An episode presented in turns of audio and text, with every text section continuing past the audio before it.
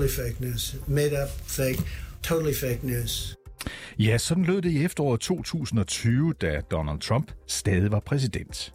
The New York Times havde beskrevet, hvordan præsidenten angiveligt betalte utroligt lidt i skat under sine første år i det hvide hus. Men det benægtede han, og han kaldte det fake news. I dag, lidt mere end to år senere, er skattepapirerne så blevet offentliggjort, og de viser, at Trump kan have betalt helt ned til 0 dollar i skat, mens han var præsident. 0 dollar. Du lytter til konfliktzonen, hvor vi i dag drejer spotlyset over på Donald Trump i Amerika.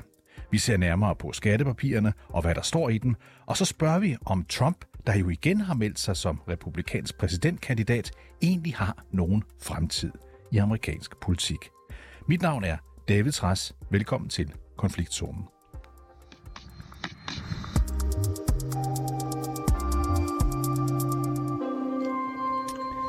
Mads Østergaard, velkommen til. Tak skal du have. USA-korrespondent for 24-7, og du er med os fra New York City. Trump ville som den første amerikanske præsident i 40 år ikke fremlægge sine skatteoplysninger, mens han var præsident og mens han var kandidat. Men nu har en komité der mest består af demokrater i repræsentanternes hus, så fremlagt papirerne, så vi alle sammen kan se dem. Så Mads, forklares lige, hvad ville demokraterne egentlig opnå ved at offentliggøre Trumps skattepapirer? Jeg tror ikke, der er nogen tvivl om, at det her det er ligesom øh, sidste svirp med halen fra et øh, demokratisk kontrolleret repræsentanternes hus. I dag øh, middag amerikansk tid, der skifter kongressen jo officielt. Og det betyder altså, at republikanerne de får øh, magten i, øh, i det ene af kammerne, det vi i daglig tale kalder huset. Og Trumps undskyldning for ikke at offentliggøre sine øh, skattedokumenter, øh, da han var præsident, det var jo, at øh, IRS, eller IRS, altså de amerikanske øh, skattemyndigheder, de allerede udsatte ham for en, en revision. Og derfor kunne han altså ikke offentliggøre dem. Og det ved vi nu ikke er sandt, fordi hans selvangivelse øh, for det år var altså ikke under revision. Og desuden så er der ikke noget, der forhindrer en person i at øh, offentliggøre, selvom man er under revision. Så det er altså den her tilbageholdelse af selvangivelser og skattepapirer, som øh, demokraterne som sådan en sidste øh, gevaldig smækken med døren på en måde vil rette op på, og som altså er øh, kulminationen af en række meget dårlige sager for Trump, øh, særligt her i slutningen af 2022. Og det er, Mads, meget omfattende materiale, der er lagt frem. Knap 6.000 siders selvangivelser og andre skattepapirer, der dækker hans økonomiske forhold fra 2015, det er der, hvor han bliver kandidat, og frem til 2020, det er der, hvor han sidste gang er præsidentkandidat. De er altså blevet offentliggjort nu. Hvad fortæller de os om Trumps skatteforhold under hans øh, præsidentembede? Ja, altså som du selv sagde, så meget af det, der står i de her øh, 6.000 sider, det var altså ting, man godt vidste i forvejen, øh, som nu er blevet bekræftet. Øh, du nævnte jo øh, New York Times, der har haft fat i de her papirer før, øh, nemlig i 2020. Og de har altså tidligere tegnet et billede af en forretningsmand, der ikke betalt øh, særlig meget i skat, og ikke var så øh, succesfuld, som han øh, gik rundt og gav udtryk for. Og dengang der afviste han det jo, øh, som vi hørte i klippet i starten, kaldte det fake news. Men nu er det altså cementeret med offentliggørelsen af de her papirer. Og hvis vi lige skal løbe nogle hovedpunkter igennem, så ser det altså ud til, at Trump han led ret store økonomiske tab i sin øh, præsidentperiode. Og han på en eller anden måde formåede at reducere og i visse tilfælde helt eliminere sine øh, beskatninger. Ifølge de her skattepapirer, der betalte Trump i øh, 2017 kun 750 dollars i øh, indkomstskat, og det svarer til omkring øh, 5.200 kroner. Og i 2020, der var Trumps indkomstskat simpelthen øh, 0 dollars. I 18 og 19, der var det noget højere, der betalte han samlet 1,1 millioner dollars, cirka 7,7 millioner danske. Men udover det, så hvis vi skal zoome lidt længere ned i et par detaljer, man kan udlede af de her papirer, så for eksempel så har han jo tidligere lovet, at han ikke ville tage en eneste dollar fra den løn, han fik som præsident. Det er cirka øh, 400.000 dollars om året, 2,8 millioner danske, som altså har påstået, at han vil donere til godgørende formål. Men altså, øh, i papirerne her, der kan man se, at i 2020, der donerede han ikke noget som helst, i hvert fald ifølge selvangivelsen. Så spørgsmålet er, om han har levet op til sit eget øh, løfte her. Og en, øh, en anden stor ting, øh, som skattepapirerne også viser, det er altså den arv, altså arven fra hans far, Fred Trump. Det er en meget, meget stor hjælp for ham, og det har faktisk givet ham mere overskud, end hans øh, øvrige forretninger har givet ham i den her tid. Så igen, det er altså hans kvalitet som forretningsmand, der virkelig står for skud. Så kan man sige, Mads, at demokraterne, der har jo været drivende i at få det her frem, vi på, der har været et par enkelte republikanere, der har hjulpet dem i huset, men generelt er det jo demokraterne, der har ført an i det her. Har de opnået det, de ville med den her offentliggørelse i forhold til, kan vi vel roligt sige, at svække ham politisk? Mm. Altså som sagt, øh, så er det jo historier, der tidligere har været fremme. Men noget jeg tænker i hvert fald er det nye i det her, det er jo øh, om IRS, altså skattemyndighederne, har øh, simpelthen forbrudt sig mod deres egne regler ved ikke at revidere Trumps øh, selvangivelse under hans øh, præsidentperiode. Ifølge øh, IRS' egen praksis og deres egne øh, retningslinje, så skal man altså revidere en ny præsident. Obama han blev faktisk revideret hver eneste år, og Biden han er øh, ligeledes blevet revideret, men det gjorde Trump altså ikke. Og det er jo det, der er det helt store spørgsmål, som mange spekulerer i i øjeblikket. Altså hvorfor i alverden reviderede IRS ikke Trump, da han kom til magten? Det gik første gang i 2019 efter en øh, uh, kongresmand, ham der hedder øh, Richard Neal fra Massachusetts. Han gjorde opmærksom på det, og altså nedsatte en komité. Så på en måde, så kan man sige, så giver de her papirer offentligheden en eller anden kontekst til at forstå den her kritik af IRS. Og spekulationen, der går hos demokraterne, går selvfølgelig på, at han på en eller anden måde, fordi han har været chef for regeringen, har kunnet stoppe det her. Men lad os lige prøve at høre lidt mere på, hvordan Trump han selv forklarer de her oplysninger, der som du lige har forklaret, betyder, at han ikke tjente så meget, som han gik og sagde. Hvad, hvad siger Trump selv til offentligheden nu? Ja, altså Trump har faktisk sendt et e-mail-svar ud. Det er jo ellers ikke hans øh, foretrukne kommunikationskanal. Men, men der kan man altså læse, nu citerer lige, øh, han skriver, Selvangivelserne viser endnu en gang, hvor succesfuld jeg har været, og hvordan jeg har brugt afskrivninger og andre skattefradrag som en indgang til at skabe tusindvis af jobs og storslåede strukturer og virksomheder. Mm. Citat slut. Øh, og så kunne man selvfølgelig stille det relevante spørgsmål. Altså, er han bare god til at udnytte systemet? Er det derfor, han ikke betaler noget i skat? Altså ikke fordi han er en dårlig øh, forretningsmand. Men til det, der kan man altså kigge på hans selvangivelse, og så se, at han mister penge år efter år. Og hans hovedindtægtskilder, det er faktisk farens arv, 100 millioner dollars, og så sit gamle tv-show, uh, The Apprentice. Udover det, så har han altså tabt på en stor del af alt den uh, business, han har lavet.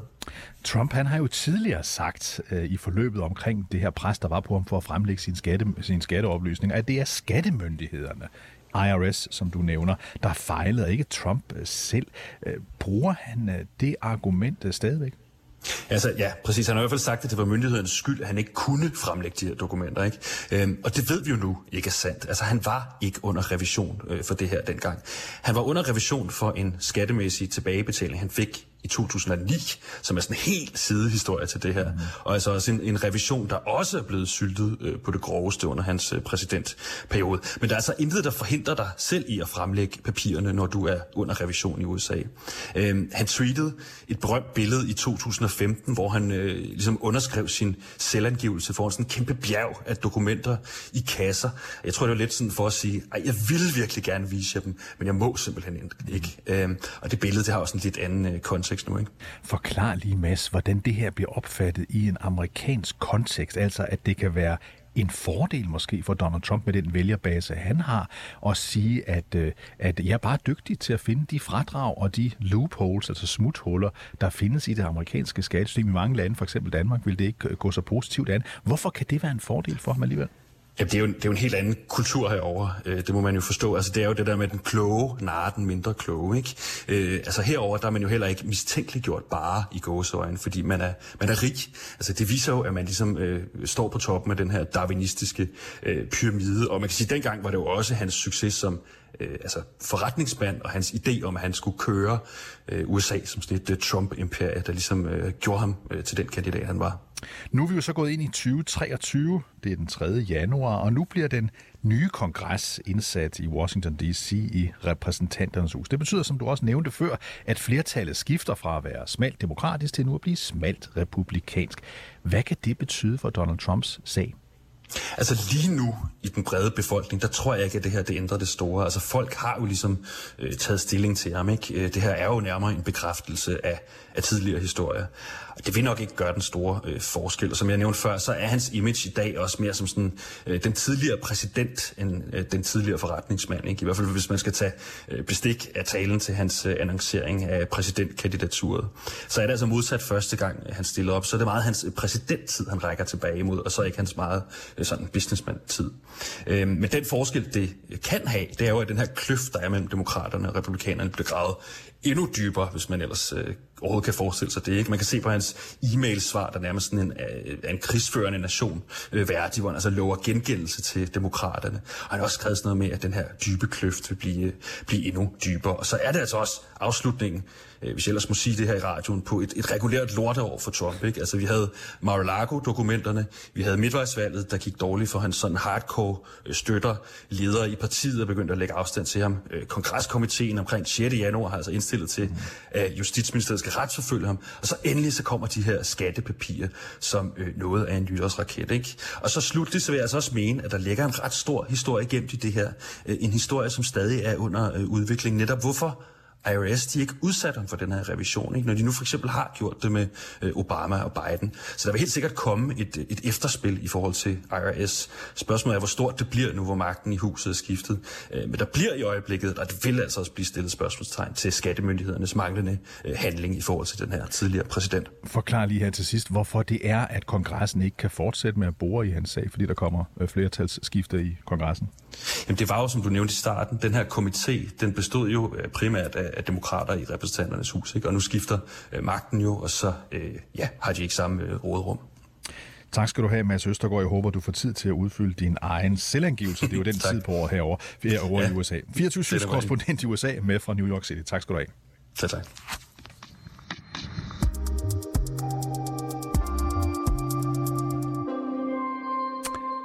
Rasmus Sinding Søndergaard, velkommen til. Tak for det. Seniorforsker hos DIS og ekspert i amerikanske forhold. Rasmus, hvordan står Trumps politiske karriere lige nu her i begyndelsen af 2023? Ja, men som vi hørte i det foregående indslag, så, så har det ikke været noget godt år øh, for Trump det seneste her. Øh, og han er øh, helt klart altså, mærket af de her sager, som der også lige blev ridset op. Altså ikke bare skattepapirerne, men selvfølgelig også den her undersøgelse af hans rolle i angrebet på kongressen den 6. januar, og så måske ikke mindst de her øh, Mar-a-Lago-dokumenter, øh, altså de her fortrolige papirer, som han øh, øh har taget med sig ud af det hvide hus. Ikke? Så der, der er udsigt til fortsat juridiske slagsmål øh, her i næste år. Og så må man jo bare sige, altså han skal til at stille op som præsidentkandidat nu, ikke? Øhm, og der er der ingen tvivl om, at det her også øh, potentielt set kan have en politisk impact på hans øh, hans øh, evne som kandidat, og ikke mindst hans øh, mulighed for at overbevise øh, de republikanske vælgere, der måske ikke er hans største fans, om at han faktisk er en person, der kan vinde præsidentvalg, mens han har alle de her sager på nakken. Ja, lad os lige komme tilbage til hans præsidentkandidatposition nu. Han meddelte jo her i efteråret, lige efter midtvejsvalget i november, at han igen stiller op, altså for tredje gang i kampen om at blive republikanernes præsidentkandidat. Lad os lige høre et lille klip med ham her. Fellow citizens, America's comeback starts right now. Ja, USA's comeback starter lige nu, sagde han, da han introducerede sig selv som præsidentkandidat i 2024. Men, men Rasmus, hvor stor en kæp i hjulet kan de her sager imod Trump få for hans kampagne?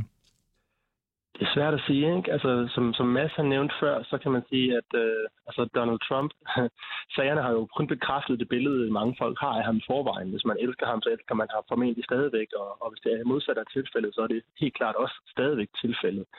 Altså man kan sige, for mange andre politikere, så ville det bare en af de her sager her jo være nok til ligesom at, at lægge en politisk karriere i graven. Men vi har jo set, altså, at det ikke rigtig rammer Trump på samme måde. Øh, der er også det, kan man sige, at altså, når der er så mange sager, så drukner de her enkelte sager måske lidt i det større billede. Altså, øh, man bliver egentlig bare bekræftet i, at Trump er den person, som han er, øh, og derfor er der ikke den samme sådan, forarvelse og sådan, drama, som man måske kunne forestille sig, der ville være, hvis det var en politiker, der ikke havde den her øh, forhistorie, kan man sige. Ikke? Øh, så, så det, det er svært at sige, øh, hvor stor en, en indflydelse det vil have. Men det er værd at hæfte sig ved i hvert fald, at nu har Trump jo altså været i gang med kampagnen her for et stykke tid. Han meldte det ud efter midtvejsvalget stort set. Og vi har ikke set meget til ham indtil videre. Altså, han har siddet nede i Mar-a-Lago. Der har ikke været de her store rallies, som vi kender ham for. Og der har generelt været lidt stille omkring hans kandidatur.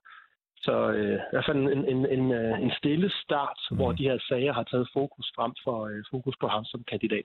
Lad os lige prøve at se på meningsmålingerne. Vi skal selvfølgelig huske, at vi er langt stykke fra valget, men meningsmålinger dukker op i Amerika hele tiden. De plejede jo at have Trump som klar favorit over mm. hos republikanerne. Men her i december eksempelvis, der så vi en meningsmåling i USA Today, en stor amerikansk avis, der viste, at Trumps umiddelbare modkandidat hos republikanerne, det er Floridas guvernør Ron DeSantis, han fra har været langt bagefter, pludselig er langt foran en føring.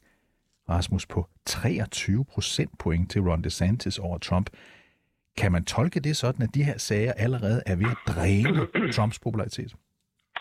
Det vil man jo kunne. Uh, man kunne også, man kunne også vælge at sige, øh, altså vi ved jo ikke, om det er lige præcis de her sager, der, der er årsag til den her dårlige måling for Donald Trump.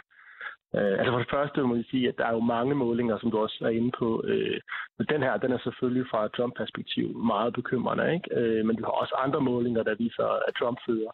Så, så det er, øh, skal man sige, øh, stadigvæk en del usikkerhed. Men der er ingen tvivl om, at det er Ron DeSantis, som jo ikke har erklæret sig kandidatur endnu, men som helt klart er hans øh, største rival, som ser på målingerne. Øh, men, men det er klart, det som den her måling, du henviser til her, den indikerer, det er jo i hvert fald, at der er nogle øh, republikanere, der er begyndt at se andet sted hen, og som er bekymrede for Trump. Jeg er så ikke helt sikker på, hvor meget det handler om de her sager, eller hvor meget det handler om, at hans øh, politiske brand øh, har tabt en hel del øh, hvad skal man sige, styrke her på det seneste. Altså ikke bare fordi han tabte præsidentvalget i 2020, men jo også fordi, at de kandidater, han støttede i den meget åbenlyse stor stil her til midtvejsvalget, de generelt heller ikke klarede sig særlig godt. Øh, så det kunne også lige så godt være at det, der ligesom ligger til grund for, at der er nogle vælgere, der er bekymret for, at han ikke er den bedste kandidat til at slå Joe Biden og demokraterne i 24.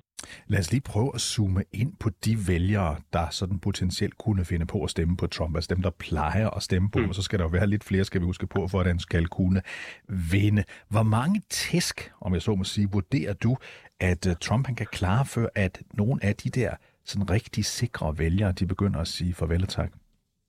Ja, det er, jo, det er jo et farligt spørgsmål, ikke? fordi han har jo simpelthen fået så mange tæsk øh, i det her herrens år, som det nævnt her i et tidligere indslag. Ikke? Og, og det lader jo ikke til, at øh, de har i hvert fald ikke været hurtigt til at springe fra, kan man sige. Der er virkelig mange, der holder fast. Øhm, altså, og vi har også set nogle målinger, der, der indikerer godt nok, at, at de republikanske vælgere, de, øh, er meget glade for Trumps politik, men der er i stigende grad mange af dem, der foretrækker en anden kandidat, der kan ligesom føre den politik videre. Så, så der er nogle målinger, er nogle tegn på, at de måske langt om længe, nogle af de her karnerede vælgere, er begyndt at kigge et andet sted hen.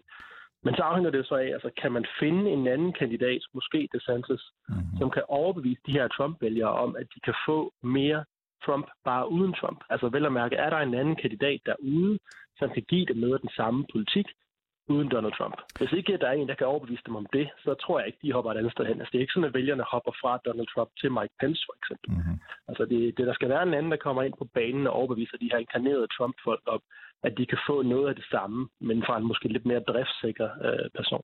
Noget af det, som Trump jo steg til himmels med i sin tid i 2015 og 2016 og derefter, det var sådan den her dobbelte fortælling om, at han var en enorm succesrig forretningsmand, og så han er en evig vinder, altså en person, der ikke kan tabe. Nu kan vi se på de her skattepapirer, at så succesrig en businessman var han måske ikke. Han har også tabt et valg. Jeg ved godt, han selv anfægter det og siger, at han ikke mm. tabte det, men der er jo trods alt mange, der mener, at han tabte det her valg. Hvor meget skader det hans øh, politiske brand, at hvad skal man sige, der er kommet de her anslag mod hans to hovedfortællinger? Jamen det er klart, det, det var altså i, i 16 der var hans brand jo, at han var den succesrige erhvervsmand, der kunne få rettet op på USA og drive landet som en business. Og det kunne han gøre, fordi han var efter sine en meget succesfuld erhvervsmand. Det står så klart nu, at det er, er ikke helt sådan virkeligheden forholder sig. Øh, og det samme kan man så sige om hans øh, politiske brand.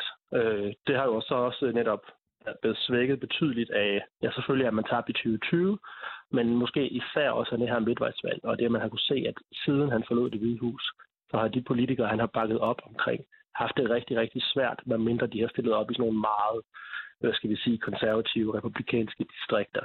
Så, så han, han har et, et, et, et svækket brand, det er der ingen tvivl om. Hvad tror du egentlig, øh, Rasmus øh, Sinding Søndergaard, at det betyder, at han så tidligt meldte sig som præsidentkandidat? For det er usædvanligt tidligt mm. i sådan en primærvalgskamp, at man melder sig to år før øh, valget. Vi skal huske tilbage på det valg i 16, han, bliver, han ender med at blive præsident hos, der melder han sig i sommeren 2015, som også blev opfattet som lang tid før et valg. Er det her en fordel eller en ulempe for ham, at han har meldt sig så tidligt? Man kunne sagtens se det som et svaghedstegn, at man har følt fra Trumps side behov for at komme ud meget, meget tidligere og kridte banen op i et forsøg på ligesom at forhindre andre politikere i at tage den her plads. Altså man kan være bekymret for, hvis, der, hvis DeSantis for eksempel meldte sig først, at han så fik skabt momentum, før Trump kom på banen. Så det kunne godt være et udtryk for, at man er meget bekymret fra Trump-lejrets side, for at man ligesom ikke... Øh, øh, at man i hvert fald gerne vil på banen rigtig tidligt, og så ligesom prøve at, at, at, at, at skræmme andre kandidater for at stille op. Så er der selvfølgelig også den vinkel i forhold til de her sager, vi talte om indledningsvis. Der er blevet spekuleret i i hvert fald, at Donald Trump kunne se det at have et kandidatur som præsident som en slags beskyttelse mod nogle af de her juridiske sager efter ham, fordi at han kan få det til at se ud som om, at hvis for eksempel øh, de føderale myndigheder, hvis Justitsministeriet kører nogle retssager mod ham, for eksempel på grund af Mar-a-Lago-dokumenterne, at så kan han sige, at det er en politisk heksejagt, og han er en kandidat for det andet parti, og det er derfor, at demokraterne og Joe Biden bare efter ham. Den fortælling han kunne øh, spinde mere, sådan, skal man sige, troværdigt, øh, hvis han er en kandidat til at blive præsident, end hvis han blot var en tidligere præsident. Lad os bare lige ganske kort zoome ind på den gode Ron DeSantis, altså guvernøren i Florida, som fik et kanonvalg, da han blev genvalgt der i november måned øh, som guvernør nede i Florida, som er også den stat, som Trump han bor i nu. Han har ikke erklæret sit kandidatur, og han har højst bemærkelsesværdigt sådan ignoreret Trumps angreb på ham. Øh, er han lige nu den største udfordrer for Trump? Han ubetinget. Det er han. Øhm, altså, som sagt har han ikke erklæret sit kandidatur endnu, men det forventes helt klart, at det, han vil gøre det. Og øh, hvad skal man sige, de svaghedstegn, vi har set fra Trump, det har jo klart været, at for eksempel donorer er begyndt at se et andet sted hen. Og det har især været mod DeSantis, altså at der har været sådan en hype. Så øh, der er ingen tvivl om, ifølge målingerne, når vi spørger vælgerne, men også når man kigger på eliten i partiet, og ikke mindst de donorer, der er så vigtige i amerikansk politik, så, øh, så er DeSantis øh, favoritten, kan man sige, til at udfordre ham. Så han er uden tvivl, øh, hvad skal man sige, den største udfordring for Donald Trump, så frem han vælger stille. Så her kommer et nemt spørgsmål til sidst, øh, Rasmus. Bliver Trump præsidentkandidat for republikanerne? Det er, det, er, det, er virkelig, det er virkelig svært at sige. Som du selv sagde, så han stiller han op to år forud, ikke? så det er, altså, der er så, så langt vej endnu. Ikke? Øhm, jeg kunne godt have en, en fidus til, at det måske kunne blive Ron DeSantis i stedet for. Men øh, jeg forestiller mig i hvert fald, at, øh, at Donald Trump han er med øh, øh helt til sidst. Klogt, Rasmus. Og tag et lille forbehold der til sidst, i stedet for at springe ud øh, fra 10 meter webben her. Tusind tak, fordi du var med. Altså Rasmus Sinding Søndergaard, seniorforsker ved DIS. Ja, tak skal du have. Det er mig, der takker. Godt, seniorforsker hos øh, DIS og ekspert i amerikanske forhold. Tak fordi du var med.